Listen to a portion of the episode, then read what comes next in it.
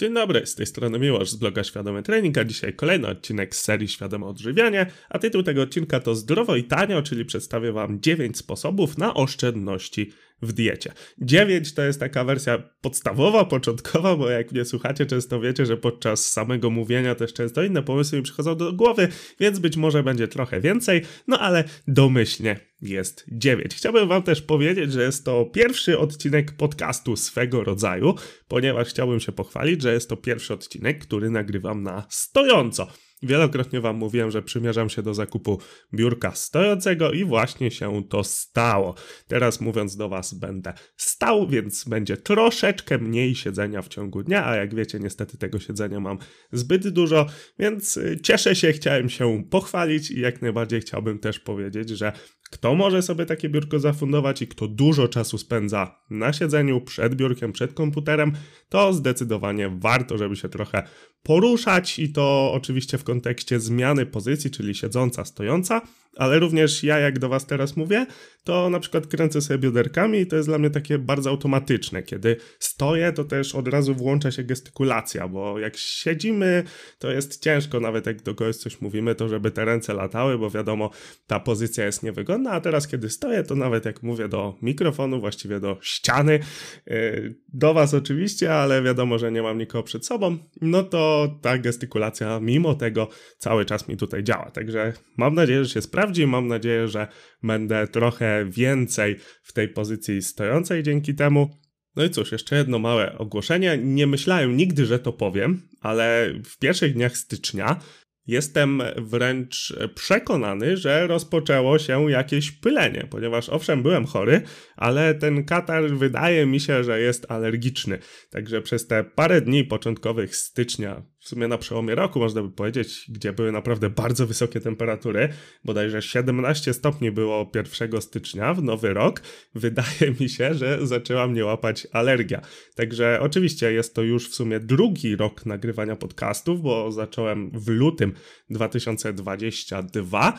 No ale niestety zapewne najbliższe odcinki i oczywiście te wiosenne będą nieco z zakatarzonym głosem. Mam nadzieję, że nie będzie Wam to zbytnio przeszkadzać. A teraz możemy przejść do tematu i powiedzmy sobie o dziewięciu sposobach na oszczędności w diecie, które dla Was przygotowałem. Wydaje mi się, że osobny jeszcze odcinek poświęcę na temat tego, czy dieta sama w sobie musi być droga. Zaspoileruję Wam z góry, że będę chciał Wam przekazać w głównej mierze takie przesłanie, że tak samo jak aktywność fizyczna może być pozytywna w jakiejś dawce i negatywna w innej dawce, tak samo dieta w jednej wersji może być droga, w innej tania. To chyba nie były zbyt dobre porównania, ale mam nadzieję, że wiecie o co chodzi. Zarówno zdrowa dieta może być tania i droga. Oczywiście tania względnie, jeżeli sobie porównamy no, do takich statystycznych, powiedzmy, środków, które przeznacza się na jedzenie, no bo takie ciekawe czasy mamy, że nie dość, że 1 stycznia 17 stopni, no to jeszcze 20 inflacji za rogiem procent. Także, no cóż, względnie tanie jedzenie, tak sobie to powiedzmy. No i niezdrowe jedzenie również z jednej strony może być względnie tanie, możemy jeść tylko zupki chińskie, ale zapewne zdrowotnie za długo na tym nie pożyjemy, a z drugiej strony możemy jeść niezdrowo i też bardzo drogo. Więc można sobie ustawić dietę zarówno zdrową, jak i niezdrową. Oczywiście zdrowy i niezdrowy, samo znaczenie tego słowa to też jest temat na osobny odcinek, swoją drogą szósty, ponieważ zdrowie to nie tylko to zdrowie fizyczne, ale również wszelkie inne. Jeżeli chcecie posłuchać trochę o zdrowiu, to odsyłam do tego szóstego odcinka. A jeżeli chodzi właśnie o koszty diety, to zarówno zdrowa dieta, jak i niezdrowa może być zarówno droga, jak i niedroga. Ale tak jak mówię, to dokładnie sobie jeszcze poruszymy na innym odcinku podcastu. A teraz przejdźmy już do pierwszego sposobu, bo się tu rozgaduję. Jak nie ja, 4 minuty, jeszcze żadnego konkretu w temacie odcinka, bo poza tym to może by się coś tam znalazło. Dobra, numer jeden. Dość popularne i przeze mnie też często wymawiane. Pij wodę z kranu lub używaj filtra.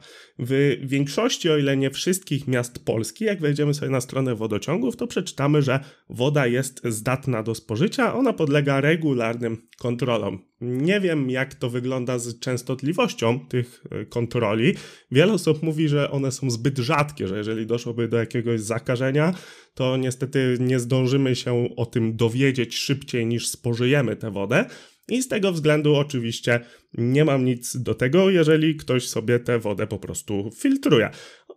Jest drugim powodem, z którego używa się, przez który używa się filtrów, jest kwestia smaku. Niektórym po prostu woda z kranu nie smakuje i po przefiltrowaniu tej wody ona troszeczkę może ten smak zmienić, więc jak najbardziej filtry do wody tutaj też będą oszczędnością i pozwolą nam po prostu pić wodę z kranu. No bo oczywiście jedna butelka wody, tak y, jednostkowo licząc, droga nie jest, ale jak przemnożymy to na miesiąc na przykład picia wody, no to tu już jakiś koszt się zbiera. Numer dwa to o dziwo liczenie kalorii. Jeżeli nie liczymy kalorii i mamy tendencję do spożywania ich większej ilości, to często bywa tak, że po prostu no więcej jemy, co by nie mówić. Kiedy więcej jemy, to również więcej wydajemy na żywność. I o ile ta żywność jest identyczna, no to często wychodzi, że wydajemy podobną ilość. Ale jeżeli na przykład totalnie nie liczymy, totalnie nie zwracamy uwagi na to, co jemy, no to na przykład jeżeli zdarzy nam się kupić jakieś piwko i chipsy do meczu, no to to już jest jakiś koszt, którego by nie było, gdybyśmy mieli z góry ustalony limit kalorii, no bo oczywiście te kalorie mogą się tam znaleźć i chipsy czy też piwo do meczu to nie jest absolutnie żaden zakazany wybór, ale wtedy, żeby bilans kaloryczny się zgadzał i żeby sobie to racjonalnie w tę dietę wkomponować, to musielibyśmy odjąć z czegoś innego. I tak z własnych i nie tylko doświadczeń zauważyłem, że jeżeli ktoś rzeczywiście ma tendencję do jedzenia bardziej więcej niż mniej, czyli nie oszukujmy się większość społeczeństwa, no to kiedy ta osoba liczy kalorie, w tym ja również, u mnie to się sprawdza, wydaje się, wydaje się pieniędzy zdecydowanie mniej na to jedzenie, niż gdy tych kalorii nie liczymy. Oczywiście można to sobie twardo policzyć, jak to dokładnie przebiega, ile wydajemy w miesiącach, nie wiem, na przykład kiedy masujemy, a kiedy redukujemy i te kwoty zapewne będą znacząco różne. Także myślę, że jest to taka fajna porada, która rzadko kiedy wprost wybrzmiewa, a moim skromnym zdaniem liczenie kalorii i trzymanie się określonej kaloryczności naprawdę może być super w kontekście zdrowego i taniego jedzenia.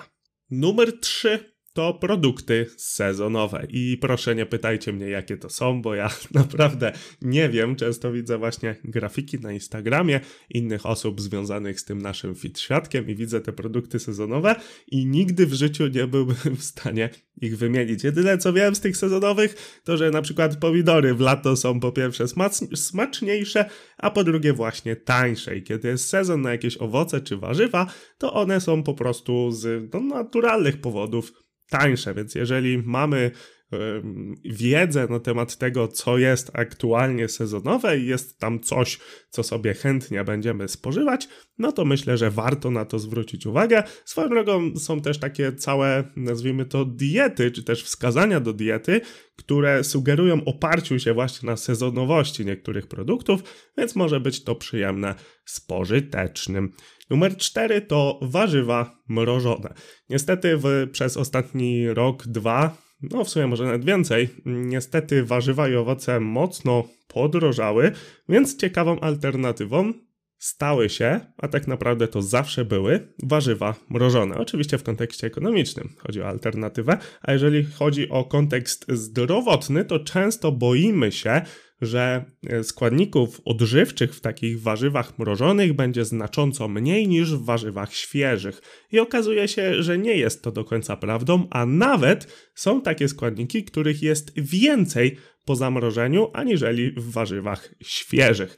Także nie musimy się tutaj martwić o wartości odżywcze, nawet jeżeli są niższe, to o niewielki. Także jak najbardziej możemy sobie z mrożonek korzystać i może być to też sposób na oszczędność. Tutaj chociażby wchodzi temat właśnie sezonowości, no bo jeżeli mamy na coś sezon i mamy bardzo dużo danych plonów, no to my to możemy zamrozić i później sprzedawać cały rok. Także mrożonki zdecydowanie warto, a przy okazji możemy też sobie u, uróżnorodnić dietę, zrobić ją bardziej różnorodną, no bo jak mamy mieszanki warzyw, no to wtedy spożywamy tych warzyw, tych rodzajów warzyw więcej. Numer 5 to zakupy hurtowe, czyli jeżeli kupujesz coś, co ma długi termin ważności i kupujesz to bardzo często lub w małych opakowaniach, to być może korzystniej finansowo wyjdziesz na tym, jeżeli zamówisz na przykład z internetu tą żywność w jakimś większym opakowaniu. I tutaj takim klasycznym przykładem są przyprawy.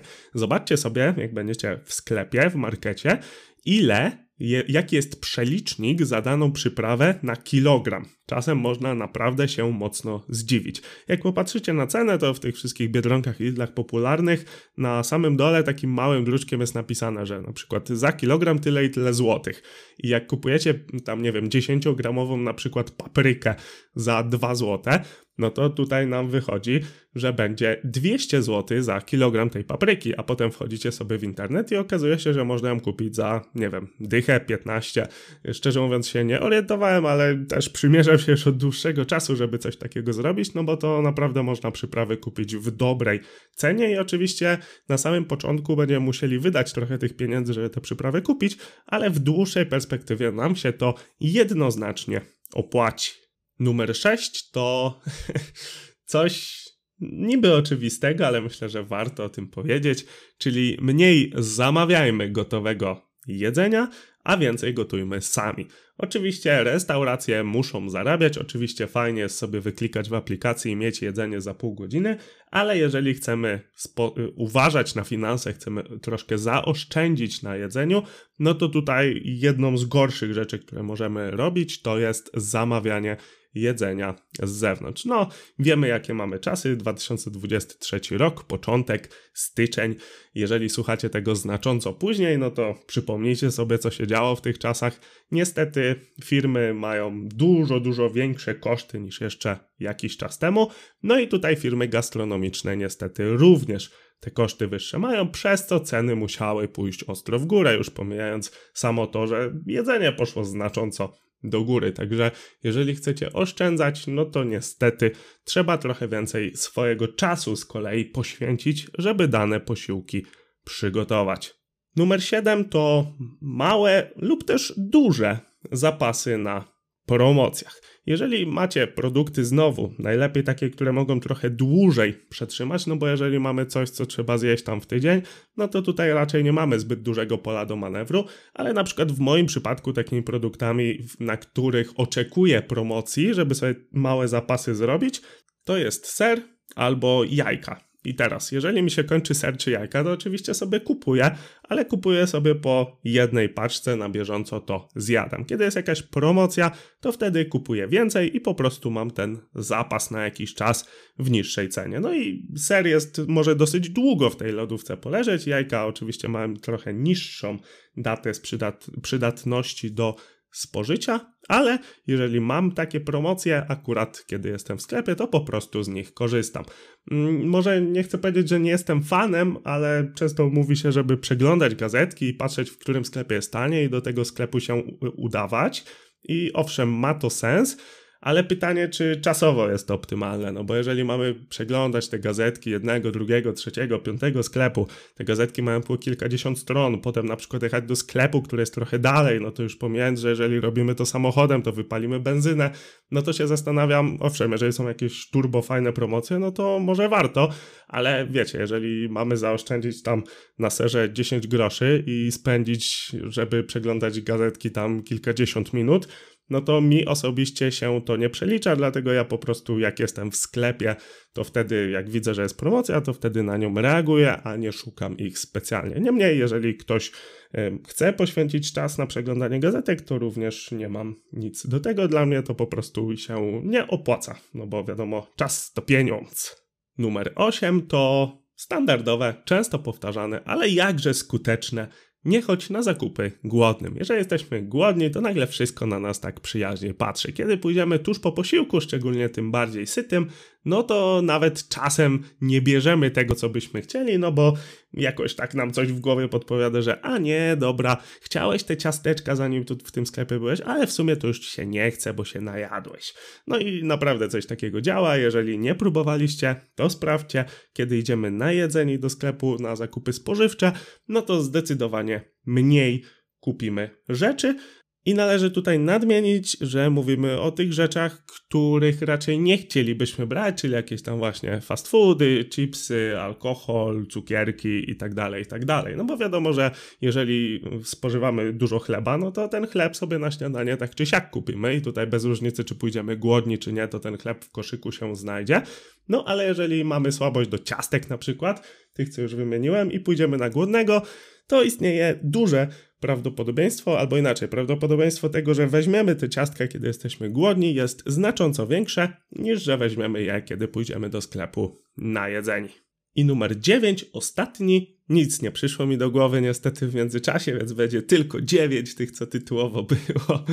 niestety, nie no, to dobrze, bo ostatnio właśnie miałem taką sytuację, że zapomniałem czegoś, to aż się dziwiłem, bo to było dosyć podstawowe, także tym razem udało mi się nie wpaść na coś, co bym zapomniał w ramach przygotowania do odcinka, a numer 9 to coś, co wiąże się nieco z punktem drugim, czyli liczeniem kalorii, a mowa tu o postanowieniach. I teraz, jeżeli sobie postanowimy, że nie jemy na przykład słodyczy, albo że nie bierzemy sobie piwka do meczu w sezonie, kiedy te mecze są codziennie, czyli po prostu nie wydajemy sporo pieniędzy na alkohol, który też oczywiście ekonomicznie obciąża nasz portfel, już nie mówiąc o obciążeniu zdrowotnym, no to takie postanowienia potrafią nam naprawdę sporo w portfelu zachować.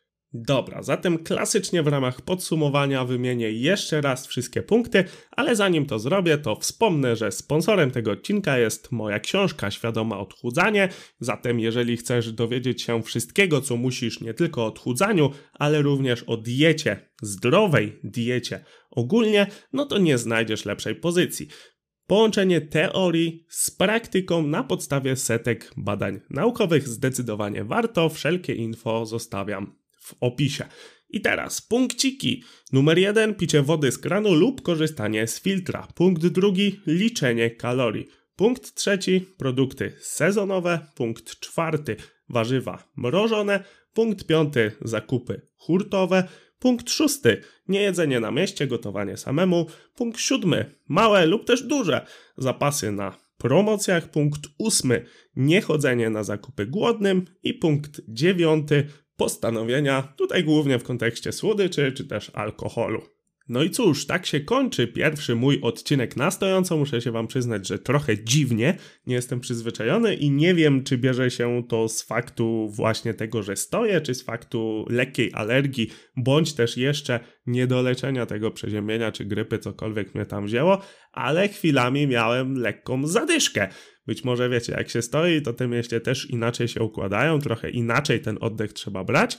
No a ja z reguły, kiedy się wypowiadam, i czy to w kontekście nagrywania TikToków, podcastów, czy raportów dla moich klientów, dla moich podopiecznych, dla osób, z którymi współpracuję, no to robię to na siedząco, więc być może się muszę przyzwyczaić. Zobaczymy, jak to się będzie odbywało. Mam nadzieję, że w tej nietypowej pozycji była wciąż typowa jakość, czyli że wyniesiecie z tego podcastu coś przydatnego. I to wszystko, co dzisiaj dla Ciebie miałem. Jeżeli chcesz otrzymywać jeszcze więcej podcastów i innych materiałów edukacyjnych, brać udział w rozdaniach suplementów lub po prostu cenisz moją pracę, to obczaj, co mogę Ci zaoferować na moim patronecie, do którego link znajdziesz w opisie.